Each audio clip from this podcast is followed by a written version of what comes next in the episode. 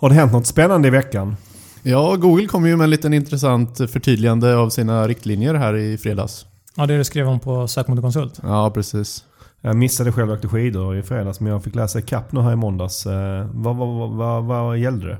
Ja, men det är så här att eh, Google har alltid varit emot att man ska köpa länkar och eh, deras förtydligande gäller just nu en, att många bloggare har fått eh, gratisprodukter och då valt att publicera innehåll med länkar, artiklar med länkar till, till de här man ska säga, företagen som har fått gratisprodukterna av och Google vill nu tydliggöra att det också är en köpt länk, vilket jag hela tiden har tyckt om man ska vara krass. Mm. Eh, så då ska man ha no-follow på dem då eller ska man ta bort dem helt? Eller? Ja, exakt. Googles riktlinje alltid när det är köpta länkar eller på något sätt köpt innehåll, då ska man ju alltid ha eh, no-follow. Sen ska det ju stå att eh, hela det artikeln är sponsored content eller sponsrat innehåll mm. helt enkelt. Det här är lite som när de gjorde en liknande förtydligande kring gästbloggsinlägg för något år sedan här. Eh, och det gjorde, då gjorde de för att det började bli väldigt stort och populärt sätt att få länkar på. Jag antar att det här har blivit samma grej. Ja, troligtvis. Det är svårt att säga exakt hur stort det har blivit. Men det finns ju en anledning till att Google går ut med en sån här förändring av riktlinjerna ja. internationellt sett. Och det är klart att det är troligtvis ett stort problem för dem idag. Och algoritmerna har svårt att hantera det troligtvis. Jag kan tycka att det är en ganska viktig skillnad här jämfört med gästbloggsinlägg. För gästbloggsinlägg används ju av ganska många, främst i SEO-syfte. Men att skicka ut gratis prov eller kläder till, till bloggare, det görs ju oftast inte främst i SEO-syfte. Uh, det är snarare en bonus. Ja, ja, lite så kanske. Och många gör det nog helt omedvetna om SEO. Mm. Uh, för tänk om jag, om jag själv skulle driva ett klädföretag så skulle jag garanterat skicka ut gratis prov av den nya kollektionen till, till de mest relevanta bloggarna så att de visar upp det i sin blogg. Mm. Och jag kan tycka att det är rimligt då. Det, det, det säger ju liksom också liksom med lagen också att, att den som bloggar ska behöva eh, berätta att de har fått plagget kanske. Mm. Men att, att Google ställer krav på att den personen ska vara kunnig nog att sätta no follow på länken. Där tycker jag att de tar ett steg kanske för långt. För att, jag vet inte om man kan ställa det kravet på en sån person. Att de ska kunna det ens. Nej, precis. Det ställer ju extrema krav på både köparna och sådana här typer av, om man säger den som skickar ut produkterna också, mm. bloggarna eller webbplatsägarna i allmänhet. Ja. Att det blir ju en utmaning för dem att kunna så pass mycket SEO och förstå att det är helt enkelt en risk. Men risker behöver inte betyda något negativt för det. Men man tar ju en risk när man ja. bryter mot Googles riktlinjer. Ja. Så är det ju bara. Nej, och tittar man, alltså, jag har ju kunder som jobbar med bloggare, att de just skänker produkter till dem. Men det är då får jag komma och tillföra och uppdatera dem om att det finns ett SEO-värde här att utnyttja. Mm. Det har inte alls varit deras tanke från, från början. Så den medvetenheten finns ju inte idag skulle jag säga. Nej, och som du sa där Pontus, att, att det, de gör de här förändringarna för att algoritmen inte räcker till. Mm. För att jag kan tycka att det här är algoritmens jobb att lista ut om det är en, en bra länk eller en dålig länk i Googles värld. Och så får de ju hantera den. Mm. Och jag kan tycka att de skjuter över arbetsbördan på andra. Här vill de då att den här modebloggaren till exempel ska göra jobbet åt Google och berätta ja. för Google att de inte ska ta hänsyn till den här länken. Mm. Och det kan jag tycka att liksom det är varför, varför, varför? Mm. det är väl, men det är väl för att Google inte själv kan lista ut skillnaden på länkarna så försöker de då lite, jag kan tycka då lite ett förtäckt hot om att om ni inte gör så här så kanske det kan bli negativa saker för er. Ja, och likt jag skrev i, liksom, i min bloggpost så tycker jag det ska bli intressant att se om Google kommer statuera något exempel på det här. För att de brukar alltid göra det när de går ut med någon förändring av riktlinjer. Ja. Det kommer inte vara något svenskt exempel troligtvis, utan det kommer vara något stort internationellt mm. case där det används i väldigt stor grad. Ja. Men de brukar alltid vilja statuera exempel när de gör sådana här förändringar. Och det blir intressant att se vad det kan vara för något. Ja. Spännande. Det här var nästan som en helt egen punkt på dagens agenda. Men eh, vi har ju inte riktigt börjat dagens podd, men vi gör väl det nu? Ja, ja. nu kör vi. Du lyssnar på Sökpodden. En podcast för dig som gillar Google, SEO och SEM. Sökpodden görs av Pineberry. Varmt välkomna till avsnitt 12 av Sökpodden. Mitt namn är Mikael Wahlgren och vid min sida idag sitter Viktor Kalmhede. Hej! Och Pontus Karlsson. Hallå hallå. Hur är läget med er idag? Det är bra. Jo då, det rullar på.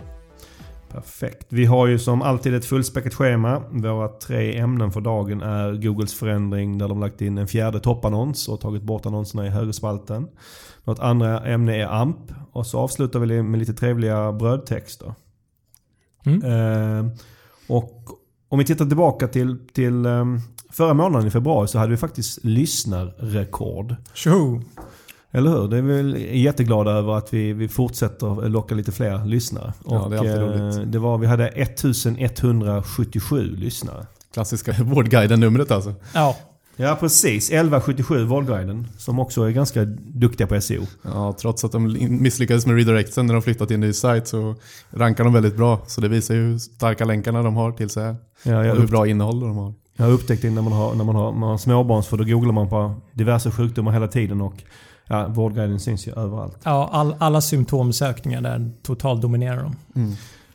Och tack så mycket för alla, till alla er som lyssnar och vi hoppas, vi har väl, vi, vi, har väl satt ett lite inofficiellt mål här att vi någon månad under 2016 så kanske vi vill upp till 1500 lyssnare. Så det ska bli kul om ni kan hjälpa till att tipsa och sprida, sprida sökpodden så att vi når vårt mål. Mm. Mm. Eh, på tal om feedback så eh, förra månaden så var det en lyssnare vid namn Magnus Lindstaff som hörde av sig att han tyckte att vi borde eh, Eh, länka eller berätta om de sakerna vi pratar om i lite större utsträckning. Och det har han ju helt rätt i. Till exempel förra gången så pratade vi om boken Spurious Correlations. Och, jag gick in i efterhand i posten om, det här, om, om, om podden, förra poddavsnittet då, och länkade upp till de sakerna vi pratar om. Och idag så kommer vi referera till ett par olika undersökningar i bloggposten jag kommer skriva imorgon. Eh, eh, så kommer jag länka till de sakerna. Så det kommer vi försöka göra framöver. Jättebra feedback. Tack för det Magnus. Så länkarna hittar ni på sökmotorkonsult. Precis. Ehm, Men då är det väl dags för eh, dagens första ämne. Och det är de här, eh, vi kallar det fyra toppannonserna. Googles förändring som skedde för den här veckan sedan. Där, eh, som har rönt ganska mycket uppmärksamhet. Vad är det egentligen som har hänt? Ja, vad som hände var ju att de tog bort alla annonser i högerspalten och helt enkelt la till en fjärde annons i toppen. Vilket, vad som hände då var ju att eh, vi fick färre annonser på första sidan men det tog ju större ad real estate i toppen. Och då är det lite intressant att se vad det här medförde kan man säga. Eh, sen var det också så att Google Shopping ligger kvar ute i högerspalten så det är det enda som ligger i högerspalten på desktop. Och det blir också väldigt intressant att följa statistiken och se om Google Shopping nu får mer utrymme med tanke på att det inte finns några andra länkar i högerspalten. Mm, och vi pratade lite om det här i, i höstas när de testade det här med fyra annonser. Och de har ju testat det även i Sverige lite av och till. Men nu, nu kör de ju fyra annonser. Liksom, nu är det konsekvent så att säga. Ja, och de gick ju själva ut och sa att det var fullt utrullat. Det var väl det som var den stora grejen. Ofta testar Google en massa saker gällande AdWords men när de väl går ut och säger att nu kommer vi köra på det här då, då kommer det vara statiskt så ett tag i alla fall. Och gjorde det överallt också, internationellt. Det var Ja. inte bara USA först, utan de körde Nej, hela världen på en gång. verkligen. Är, är det alltid så att det är fyra annonser nu då? Nej, det är ju en sanning med modifikation. Man kan säga på alla så här sökningar som vi jobbar med, man säger kvalificerade e-handelssökningar eller där det är hård konkurrens, där är det fyra eh, annonser idag. Men eh, om man kollar, hänvisar till en undersökning från Moss så har de beräknat att det är 36% av fallen som det är fyra annonser. Eh, och det beror ju troligtvis på att det finns många sökningar där det inte finns tillräckligt mycket annonsörer eller Google inte tycker det är relevant med så mycket annonser. Så lite förenklat kan man kanske säga att om det finns ett, ett hyfsat stort intresse att annonsera på ett visst sökord, ja då finns det fyra annonser. Precis. Men är det mer informationssökningar där, eh, likt Wikipedia, som Wikipedia svarar på, då, då kanske inte det finns fyra annonser. Så i praktiken så är det fyra annonser på alla, alla relevanta sökningar för dig som annonsör. Ja, Mer eller mindre. det kan man säga. Ja. Okej, som alltid kan man ju fundera, varför gör Google detta? Varför har de gjort den här förändringen? Ja, Google vill ju alltid tjäna pengar och det är väl det enda vi kan vara helt säkra på att de hela tiden gör saker för att tjäna mer pengar. Och ja, det troligaste är väl att de vill, se, de vill ge mer så kallad ad real estate eller mer utrymme till annonserna och de har troligtvis testat det här och har sett i sin statistik att fyra annonser i toppen ger mer intäkter för dem mot att ha högerspalten kvar. Ja, så är det garanterat och det har vi tagit upp tidigare här i podden och, och jag tar upp det igen att, att, att Google gör saker för att tjäna pengar. Ingenting konstigt. Det är så de måste arbeta. De har ett ansvar mot sina både anställda och aktieägare att försöka tjäna pengar och växa. Mm. Ehm, så det är egentligen inget konstigt även om det kan bli en del rubriker kring att de gör sådana här förändringar. Ja, sen finns det ju en annan teori också att de håller på att anpassa sig för mobiler, att det ska se likadant ut på desktop och mobiler. I och med att där har du ingen högerspalt så kanske det har en, Någonting en liten anledning till det här också. Men det är svårt att säga. Och sen kan man också säga att den här förändringen är ju är egentligen en, en del i en mycket större förändring som Google har egentligen hållit på med nu i nästan 10 år. Att det, om man jämför med ett sökresultat för 10 år sedan så är det mycket större andel annonser idag. Ja. Alltså Ja. allt från att de har lagt till olika form, form av extensions på annonserna man kan ha. Så, så annonserna tar ju mycket mer plats idag än vad de gjorde för innan. Ja, ja men så är ju fallet. Och det, det blir ju liksom ett intressant komplement. Eller oavsett, till SEO och SEM blir ju viktiga tillsammans i dagens läge. Och som alltid när det händer sådana här grejer så kommer krigsrubrikerna. Och, SEO är död. ja precis, den kommer ju nästan alltid. Och en Hur många annan, gånger har vi hört den? vad, vad den som händer så är det SEO är död. Ja. Eh, och, och en annan rubrik som kom i det här fallet var att klickpriserna kom, skulle skjuta i höjden. Eh, för att det var färre, eh, det blev, det blev, i och med att om man tar bort högerspalten blir det färre annonsplatser och då blir det mer konkurrens om att hamna där uppe så att säga, bland de fy- topp fyra. Precis. Eh, och, men då kan man fråga sig, vad har hänt? Vad, vad kan vi säga än så länge? För nu har vi ändå varit live eh, någon vecka här. Ja, och det är fortfarande väldigt tidigt ska man ju säga. Det är väldigt viktigt att ta hänsyn till för att innan alla har hunnit fullt anpassa sig så är det svårt att säga. Men, men vad man kan säga är ju att CPC-priserna har varit ganska stabila än så länge. Vilket många trodde skulle som sagt vara ruscha i och med den här höjningen.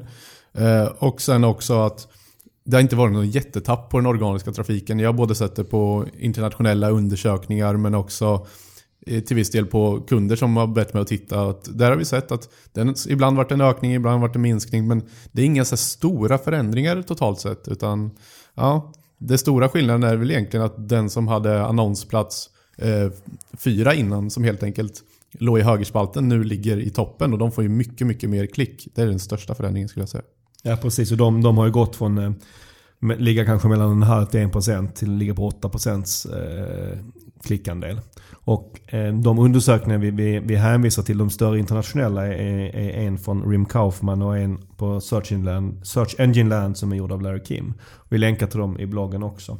Eh, framförallt den eh, Kaufman eh, tyckte jag var extra, extra intressant. Och det man också kan säga där lite var att första positionen har tappat lite, lite. Alltså första annonspositionen. Inte, inte den organiska utan annonspositionen. Och det är också kanske logiskt i och med att det är helt plötsligt fyra platser där uppe. Det är klart att det späds ut lite på något Jo, sätt. men det känns som det borde göra det på alla de andra topp tre. I och med att det ska fördelas på fyra egentligen. Det, det borde vara min syn att det bara är ettan som sticker ut. Nu är det ju vad som har sett i statistiken här, men det känns lite orimligt skulle jag säga. Så vad heter det? Sen kan man också se en liten tendens att de annonserna som ligger under har fått lite mer klick än tidigare. Och det är kanske heller inte så konstigt med tanke på att högerspalten har försvunnit. Nej, man scrollar till botten på annat sätt istället. Liksom. Och sen var det en annan liten, jag, jag tyckte det var en liten lustig detalj för att ehm, eh, så vitt vi vet så har man infört, eh, man har infört sitelinks nu på de annonserna under till. Och när vi frågade, när jag frågade runt där innan, "Ha- är det här nytt eller har det funnits innan? Så var det ganska många som var lite osäkra. Och det är ju ett tecken på att man har aldrig tittat på annonserna där nere innan. Nej, det är ett tydligt tecken faktiskt. Men så det är ju inte nytt då. jobbar med det. Nej. Så nu helt plötsligt har de kommit liksom i spel kan man säga. Eh, eh, annonserna där nere. Och det, det vet vi från annan, annan, vet i alla fall jag, jag har sett på annan när man har jobbat med konvertering. Att, att det här scrollbeteendet som finns på mobilen gör att man, det finns ett beteende att man scrollar ner längst på sidan. Mm. Så då är det också rimligt att den annonsen som är längst ner kanske får lite bättre med den här förändringen. Mm. Hur, hur ser det ut för shopping då? Har, det, har vi sett någon förändring där? Ja, alltså det är svårt att se på, på så här kort tid. Men som sagt det känns som att de har fått lite fler klick och det är också vad de här undersökningarna säger. Mm. Att just shopping har fått en del mer klick. Och det är väl inte så konstigt med tanke på att hela högerspalten är tom förutom dem som sagt var. Mm. Dock tycker jag också att man ser lite i Sverige att de börjar flytta in det mer och mer liksom i själva top ads-delen om man säger så. Mm. Och det är svårt att härföra huruvida det är högerspaltsklick eller om det är i, i top ad position som de shopping får mer klick också. Mm. Så vi kan, av, av den datan som finns än så länge, så de här två stora krigsrubrikerna som fanns var ju att SEO, SEO är död och det kan vi konstatera att nej, det är det nog inte den här gången heller. Eh, vi kan inte se någon egentlig förändring på den organiska trafiken. Eh, och den andra farhågan var att klickpriserna skulle skjuta i höjden och vad vi kan se hittills så verkar CPC-nivåerna vara ganska stabila. Så att det verkar inte ha hänt någonting det här heller. Utan precis som tidigare, som vi nämnde tidigare, så det som kanske är mest intressant här är trenden. Att det är ingen tvekan om att Google Mm. går, mot en, går mot mer och mer annonser och att det på lång sikt har påverkan på säkerligen klickpriser och säkerligen SEO. Ja, tittar man så- till den organiska eh, CTR'n över tid så har den ju minskat. Alltså, så det är ju bara en trend att det bara fortsätter. Ja. Mm. Men att just den här förändringen är inte så stor och revolutionerande som, Nej. som rubrikerna sa till början med. Nej, precis. Precis som det brukar vara. Eh, Mm. Men det är bra för då har vi någonting att prata om här i podden. Ja, precis. Eh, Men hur ska man förhålla sig till den här förändringen om man är AdWords-annonsör? Är det någonting man ska tänka på? Ja, en viktig del är som sagt var det här med att vi sa att position 4 är ju kanske nya position 3 i och med att det är ju fortfarande en top-ad idag. Vilket Den går alltså från 1,5 eller en halv procent till 8 procent. Så att vad, där man sa att man skulle vara topp 3 innan för vissa aktörer, då kanske man kan vara topp 4. Och en del har jämfört det med att det är det nya organiska position 1. Och ja, det är väl lite så ironiskt för att de har inte 8 procent på organiska position 1. Det skulle jag inte vilja säga. Eh, Men det är klart att det är en fördel att vara fyra mot vad det varit innan. Eh, Där jag tycker man ska ha extra koll på också, som i och med att det är färre annonser på första sidan är den så kallade visningsandelen. Alltså hur ofta i de aktioner du är med visas du faktiskt på första sidan. Eh, Så det tycker jag är en viktig parameter att titta på lite mer noggrant på de kunderna som har legat lite längre ner och kanske är en mindre aktör. Och en annan kanske självklar grej är att shopping blir ännu viktigare. Eh, Så om man inte kör shopping idag och har möjlighet att göra det så, så är det dags kanske att sätta igång. Ja, verkligen. Ehm, mm, då, okay, då har vi konstaterat att ja, den här förändringen eh, var inte så revolutionerande i, i vad, eh, vad i resultaten för varken annonsörer eller för de som jobbar med SEO. Men vi har också konstaterat att det finns en trend här som är intressant. Mm. Och då kan man spekulera i vad händer härnäst? Vad är Googles nästa drag? Ja, du skrev väl ett inlägg lite om det här på det här ämnet va?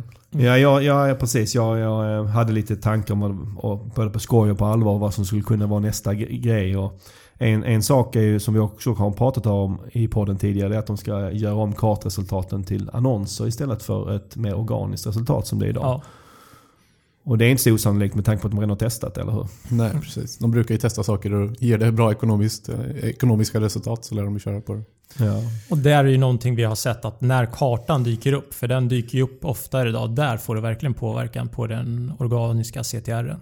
Mm. Att när den, för då trycks det organiska väldigt långt ner. Ja. Nej, men det är något man verkligen ser. Mm. Och en annan sak jag bara rent ut sagt spekulerade i var ju, okej nu la de till en fjärde annons, om det verkar gå bra. Vad är det som säger att de inte ligger till en femte annons? För var går gränsen? Ja, det är Alltså ingen som femte- vet liksom. Nej. Med femte toppannons. Eh, och en, en annan grej som jag tänkte är att shopping, det är också tydligt att shopping är väldigt viktigt för, för Google. Det är någonting i alla fall de satsar väldigt mycket på. Ehm, och att de ska integrera det på ännu fler ställen, det ser man också tecken på. De har ju börjat lite i bild, bildsöket i, i, i USA, har jag läst. Och sen, min, min tanke var att de kanske kör in det direkt i Google Suggest. Ja. Så att du inte ens hamnar i sökresultatet, utan du, du går direkt. Du köper direkt från Google Suggest. Ja, och Google går ju på den här teorin att de ska vara ett steg före dig. Så snart får du nog förslag på att du har köpt någonting tidigare innan du ens vet om att du ska söka på det också. Så det är ju den linjen de går mot. Ja, men bild, bildsöket känns ju också naturligt att ha shopping i eftersom där har du bilder och shopping bygger ju också på bilder. Så de, de borde kunna få in det där på ett bra sätt för dem tycker man. Mm. Okej, vem är vinnare och förlorare på den här förändringen? Om vi kan se några. Ja, i och med att vi sa att första positionen har tappat lite klick på, på AdWords kan man ju säga att de absolut största aktörerna borde vara en, någon som tappar på det i och med att ja, de tappar sitt R på position 1, 2, 3 troligtvis och 4 är den som tar. Det betyder att det borde vara medelstora aktörer som tar allra mest. Sen säger vi också att det är färre annonser på första sidan, vilket är färre aktörer som kan vara med. Och då borde det vara de absolut minsta aktörerna som tappar på det här. I och med att alla inte kan vara med på första sidan. Och sen är säkerligen den största vinnaren av dem alla är ju säkerligen Google. som alltid. Eh, vad bra, men då eh, tycker jag vi lämnar den eh, förändringen eh, med, med fyra toppannonser och går över till dagens andra ämne. Som är AMP. Ja. Och det är väl det nya buzzwordet som man måste lära sig. Accelerated Mobile Pages. Och eh, ja, på förra SEO-snacket så, så, eh, som var här för några veckor sedan så, så har jag för mig att jag lovade vår kära branschkollega Håkan Persson att, om att, att vi skulle prata om AMP, just AMP i, i det, nästa avsnitt. Så att jag hoppas att du lyssnar Håkan. Eh, men vad är AMP då egentligen? Ja, det var ju ett open source-initiativ som drogs igång eh, förra hösten av Google, Twitter, Wordpress och några andra aktörer och sen tillsammans med vissa publicister som till exempel New York Times och, och The Guardian. Och det är väl ett, ett svar på Facebooks Instant Articles kan man säga. Eller eh, där har vi väl Apple News också. Att Google försöker ta sig in där och istället från hur de andra gjort att liksom stänga in det så gör man det genom en open source-teknik och på så sätt kunna ta den marknaden. Och vad är syftet med, med AMP? Syftet är ju att göra mobilsidor mycket snabbare helt enkelt. Att eh, ja, få snabbare ladd, laddtider och enligt vad de har sagt av Google så att det här ska vara eh, eh, tre gånger snabbare än en normal sida och alltså i genomsnitt och den ska använda tio gånger mindre data. Så det bör ju påverka laddtiden. Ja precis och det, det gick ju live nu precis här i februari. Och eh, man, man kan ju testa det på, Google har gjort en specialsökning så att säga där man bara söker bland AMP-sidor, eller hur? Ja precis, man, det finns en URL man kan besöka. Vad är det? g.co ampdemo. Och det är väl att man ska gå in på en mobil för att få kunna uppleva det helt enkelt. Ja, jag gjorde ju själv misstaget, gick in på den via desktop och det funkar inte alls. så mycket. Men vi lägger ut den här länken i, i posten ja. också. Så. Men, men jag, alltså det är möjligt att man lurar sig själv, men mm. jag tyckte när jag testade sen i mobilen mm. att det kändes som att det gick lite snabbare. Ja, kan vara inbildning, men jag fick en ganska positiv känsla. Om någon skriver att det ska gå tre gånger snabbare så tror man nog det också. Men... Ja, så kan det nog vara. Och vem, vem, är, vem är det här tänkt för? för? Är det tänkt för alla, alla typer av sajter eller?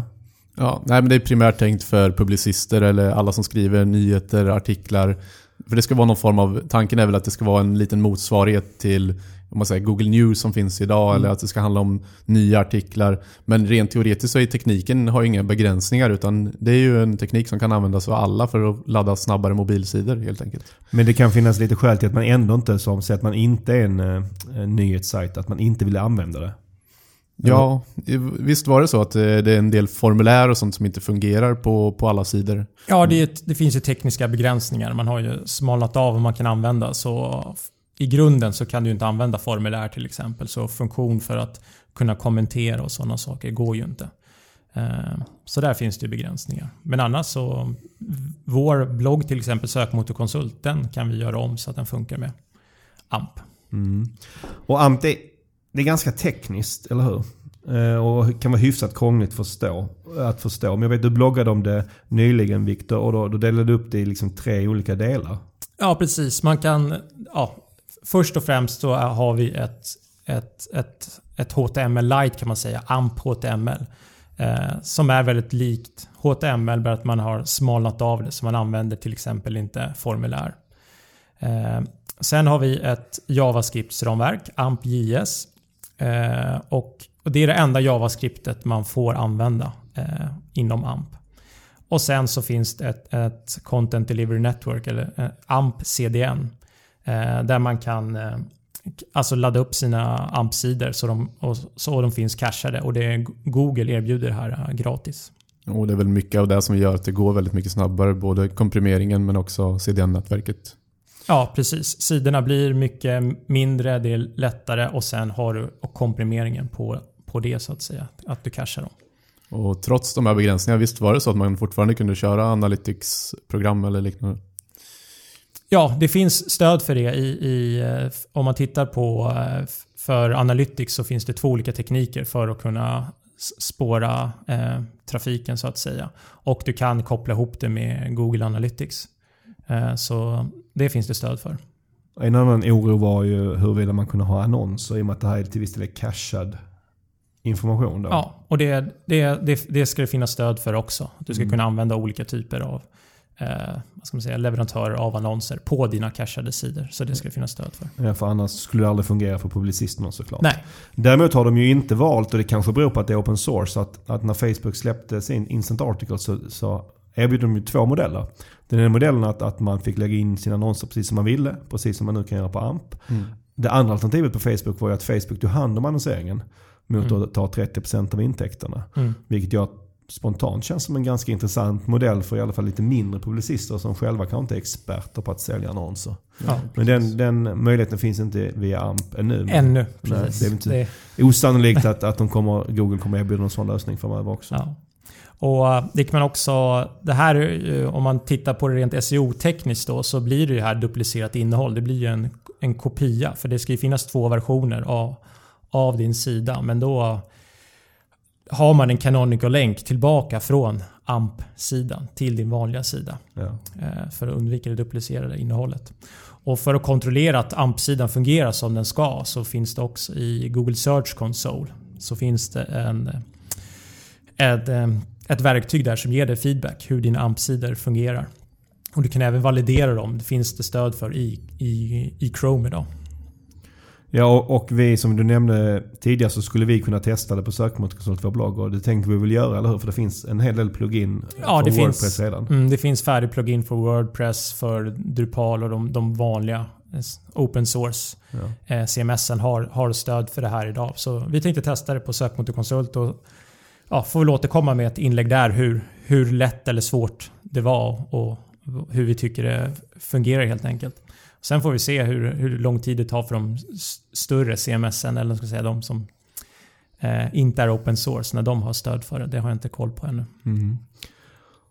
Och nu kanske den till sist den kanske mest spännande och intressanta frågan kring det här med AMP om jag relaterar till SEO i alla fall. Det är huruvida är detta en rankingsignal eller, eller om det inte är det kommer det bli en rankingsignal. Ja, inte än så länge gick Googles Jon Müller ut och sa i alla fall. Men de har ändå hintat, hintat likt de kan göra med mycket saker som gällande Mobilegeddon och det här också. Att det kan framöver bli en bra rankingsignal i och med att snabbhet är någonting Google driver framåt och vill att sajter ska vara mer snabbladdade, lättare för användarna. Och allt mer mobiltrafik blir ju, med allt mer mobiltrafik blir det ju viktigt att begränsa sidornas storlek för att kunna ha snabb, snabba laddningssidor. helt enkelt. Mm. Ja, det finns ju jättemånga fördelar med att ha snabbladdade sidor så det är väl ingen tvekan om det. Men tror vi att det kommer bli en viktig rankingsignal? Nej. Nej. Nej. Ett, två, tre. Nej, det, jag, jag håller helt med. Det blev väl som Mobilegeddon att, att det, det blir mycket snack men att det ska påverka rankingen, nej, tveksamt. Och ändå tar vi upp det här för att det är ett sånt buzzword så vi måste ju Ja. slå ner på det också. Ja, men PR, jag vet det, Google är duktig på sitt PR-maskineri så. Verkligen. Eh, vad bra, men då lämnar vi AMP för nu. Vi får säkert anledning att återkomma framförallt kanske när vi själva testat det och berätta hur det, hur det gick för oss. Ja, Ja. verkligen. Och dagens sista ämne är brödtext. Och för något avsnitt sedan så grottade vi ner oss i, i titlar och då tänkte vi att nu fortsätter vi på den linjen och grottar ner oss lite i brödtext. Och för att vara helt på det klara här, vad menar vi med brödtext i det här sammanhanget?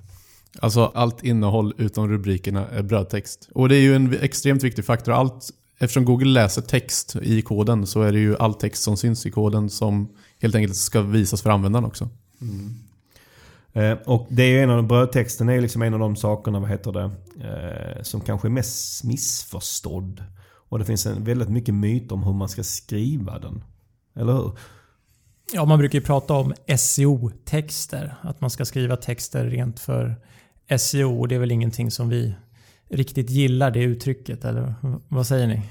Nej, precis. Nej, men SEO-text indikerar ju oftast att du på något sätt försöker upprepa sökord i oändlighet om man ska säga så. Och det är ju ingenting du ska, du ska skriva naturligt för användaren och då blir det bra för Google också. Jag tycker många andra eh, saker man har på sidan som man måste optimera för Google som titel och rubriker och liknande andra grejer. Där tycker jag man måste tänka mer SEO. Men när det Mm. gäller brödtexten så är det snart tvärtom. Att om man tänker för mycket SEO där så blir det, kan det bli dåligt. Ja. Och det är för att historiskt så funkar det ju genom att man skrev rena SEO-texter så kunde du ranka bättre genom att alltså göra texter som inte var bra för besökaren. Utan det, till exempel eh, begreppet keyword stuffing. Mm, ja men verkligen. Och allt ifrån de här riktigt gamla klassiska exemplen där man la massa upprepade sökord mot vit bakgrund som inte ens skulle synas. Liksom. Det var ju riktigt klassisk keyword stuffing. Ja. Men idag handlar det om att skriva för användaren och allt ska vara synligt både för Google och användaren. Men om vi stannar där vid just med keyword stuffing eh, och, och det är ju inte så man jobbar längre. Men, men ehm, det är en väldigt vanlig fråga vi får kring brödtexter är hur många gånger ska man nämna sökordet i en brödtext? Minst en gång. Du Mm. måste ju nämna ordet för att kunna synas på det. För annars är du ju Ja. inte relevant på det. Så det är egentligen bara att det ska nämnas. Sen kan det ju nämnas kanske ett par gånger för att det är naturligt när man skriver en lång text om, Ja, om, om gummistövlar så kommer man kanske nämna ett par gånger. Men, men man ska väl bara säkerställa i efterhand att man har nämnt det en gång.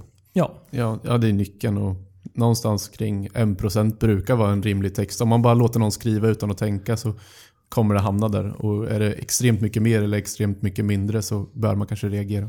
Och en annan vanlig fråga man brukar få är ju men hur många gånger kan jag nämna det? När blir det för mycket så att säga? När blir det keyword stuffing och då brukar jag säga att be någon annan läsa texten och reagera dem på att det känns Mm. onaturligt, att du nämner någonting för mycket. Då är det keyword. Ja. Nej, för det är väldigt mycket beroende på vad man skriver i typ, för typ av sammanhang. Om man kommer upprepa sökordet eller inte. Hur det Mm. blir naturligt. Jag skulle också säga om man skriver texten utan att tänka på SEO så blir det aldrig keyword stuffing. För då blir den som en naturlig text. Mm. Ehm, sen en annan vanlig fråga är ju gällande det här med synonymer, singular och plural. Och, och ska man vä- väga in, väva in tail-sökord? Hur ska man tänka kring det? Jo, det är såklart att man ska försöka ta in de begreppen som den här sidan ska ranka på. Och då blir det ju naturligt att ha med singular, plural, plural eh, att man har, eh, har med synonymer till det också. Ja, precis. Och så länge du inte kan tänka dig skapa en ny sida för det, eh, en helt ny landningssida, så bör det ju finnas med på den sidan som du arbetar med. Har vi det här exemplet, till exempel cykel, cyklar, hoj, köpa cyklar. Alla de sökorden borde ju finnas med på cykelsidan. Sen kanske du har en som sagt var crescent cykel, då är det ju en helt helt ny landningssida för där har du en ny segmentering. Och då ska ju inte crescent stå med i någon större utsträckning på den här sidan. Nej, utan det beror precis vad man väljer att dra gränsen för vad den här målsidan ska handla om och vad en annan målsida ska handla om. Precis. Mm. Och så kommer vi nu till 10 000 kronors frågan. Hur lång ska en brödtext vara? Ja, är det den vanligaste frågan vi får eller? Ja, hur långt är ett snöre som sagt var. ja, nej, ja, det går inte att säga men vi har väl någon form av så här. Skriv så långt som är rimligt att skriva och det kommer aldrig vara dåligt att skriva mycket innehåll. Det kan man väl säga. Så länge det är relevant. Ja, så länge det är relevant. Det är ingen tvekan om att Google älskar innehåll. Mm. Eh, och vi, vi, pratade här, i- det var i förra avsnittet när vi gick igenom Backlinkos undersökning om olika rankingfaktorer. Och då var just brödtext en av dem. Och där kom de ju fram till att i snitt, så de som rankade på första sidan, topp 10 då, organiskt, hade 1890 ord. Det är ganska mycket för ett svenskt förhållande. Det, Ja, det är är svenska- ruggigt mycket för att vara i Ja. ett svenskt sammanhang kan Ja. man säga. Ja, verkligen. Men Och man det- ser ju många som går upp mot 1500 ord idag för att om, om man ska se som en ren eh, för att jobba mot rankingfaktorer liksom. Ja, det har blivit nästan i vissa segment där det är hård konkurrens. Att det blivit som en tävling att ha mest Ja, verkligen. innehåll. Så det utökar hela tiden. Liksom. Ja, racet har börjat. Mm. Och ehm, när man har den här diskussionen så hamnar man alltid i en, situation med de, de som jobbar kanske med design eller även till viss del de som jobbar med konvertering att nej, det här går inte. Vi kan inte ha en sida med 500 ord. Mm. eh, för att det, det blir inte användarvänligt. Mm. Men eh, håller vi med om det? Att det är en konflikt här emellan? Det handlar ju bara om hur man strukturerar upp det tycker jag. Alltså hur man strukturerar upp texten. Har man det bara som ett stort textsjok, då blir det ju inte bra. Men man kan ju dela upp det på olika delar eh, över sidan. Och eh, att en sida är, är lång. Vi pratade tidigare om att man, vi är vana med att scrolla det här mobila beteendet. Eh, det motsäger ju det här. Ja precis, jag brukar... Eh, jag tog ett exempel nyligen när jag var i en sån här diskussion att, att det här med one-pages har blivit väldigt populärt. Eh, Mm. Man har en väldigt lång sida. Mm. Och det är inte så jättebra för SEO. Men man kan ju tänka sig att man har en sajt full med one-pagers. Alltså man har väldigt långa sidor. Ja. Och, och då kan du på ett ganska snyggt sätt, tycker i alla fall jag, få in hyfsat mycket text. Ja. Utan att det liksom blir texttungt. Ja, och jag- oftast handlar den här diskussionen med e-handlare kan man säga. För att där vill de ju lyfta fram väldigt mycket produkter. Och jag tycker många kanske gör ett misstag och jag har pratat med många att ja, men prova att dela upp det i olika. Förklara det här är bästsäljarna, förklara varför de här är bästsäljarna. Dela upp det på olika delar. Allt behöver inte vara den här klassiska eh, fem gånger tio produkter eller någonting som listas i ett sjok och så ska du försöka få in innehållet bredvid. Det går Mm. att bryta upp det här men det är inte riktigt kommit till den nivån i några CMS eller så längre heller. Nej, och man kan ha texten över, lite över, man kan ha det under, vid sidan om. Ja, alltså, det finns många utrymmen ändå, Ja. även om det ser ut så. Ehm, och när vi ändå är inne på det ämnet där är att hur viktigt är det att text, det finns text högt upp på sidan? Ja, alltså jag brukar alltid slå ett slag för det. Jag har sett exempel där de åkt på något som kallas ads about the fold. Att du har väldigt mycket bilder eller innehåll som inte är text about the fold. Och då har Google ett form av filter man ska säga som gör att man rankar sämre om man inte har innehåll about the fold. Men, men det är ingenting som, om du inte har tunga bilder eller stora annonser eller någonting så ska du inte riktigt behöva ta hänsyn till det här. För att har du vanliga objekt så är det bättre att det finns på sidan än inte alls. Men optimalt är såklart att ha in, en del av innehållet i alla fall i toppen på sidan. Och det kan jag tycka är bra för användaren också, att man har en kort introtext som förklarar vad sidan, vad, vad handlar just den här sidan om. Ja. Sen kan man komma med majoriteten av texten lite längre ner. Ja, och texten, så länge den är relevant så kan det inte vara något fel att den ligger tidigt i Nej, innehållet. precis.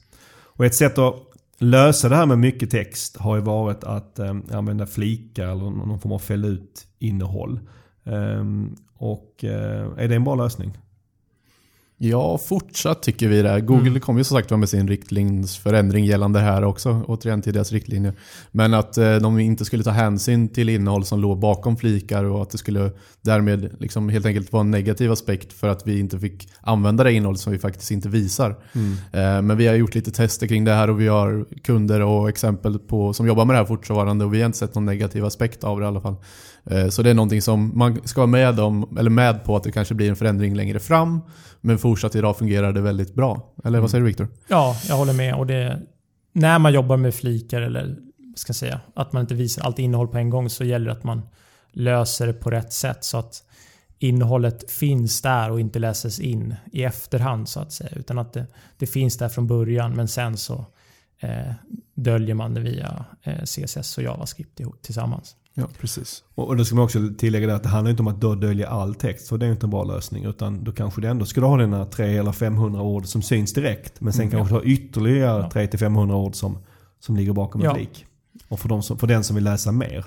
Och flikar, det kan ju vara ett bra sätt att strukturera upp innehållet eh, på. Så ja, det är ju använd, användarvänligt på det sättet också. Verkligen. En annan käpphäst som Google har är ju att texter ska vara unika. Och då blir ju en väldigt vanlig fråga vi, fråga vi får när det gäller brödtexter då. Hur unikt är unikt? Hur unikt måste det vara? Ja, den här är nästan lika vanlig som hur lång en text är faktiskt. Och man kan säga att tumregeln är 100% unik. Och hur ska man göra då för att den ska bli 100% unik, Viktor? Att man skriver om texten från början. Man, man, skriver inte om, eller man skriver inte om en text utan man börjar om på nytt så att säga. Skriver en ny text. Ja, jag brukar säga att varje mening måste vara unik. Man kan inte ens låna en mening någonstans ifrån. Ehm, Och ofta kan det ju bli ett problem om man inspireras för mycket från en annan text. Då blir det lite väl likt. Mm. Så då är det kanske nästan bättre om texten finns på ett annat språk. Till exempel säga att texten finns på engelska. Mm. Att man istället inspireras från en engelsk text och skriver den och inte alls tittar på den svenska varianten. Då blir det oftast ganska bra. Ja, men det är där, därför jag brukar säga till mina kunder att plocka ner nyckelorden och skriv från början. Börjar du ta en text och börja kopiera och ändra för att det ska bli unikt, det blir inte bra.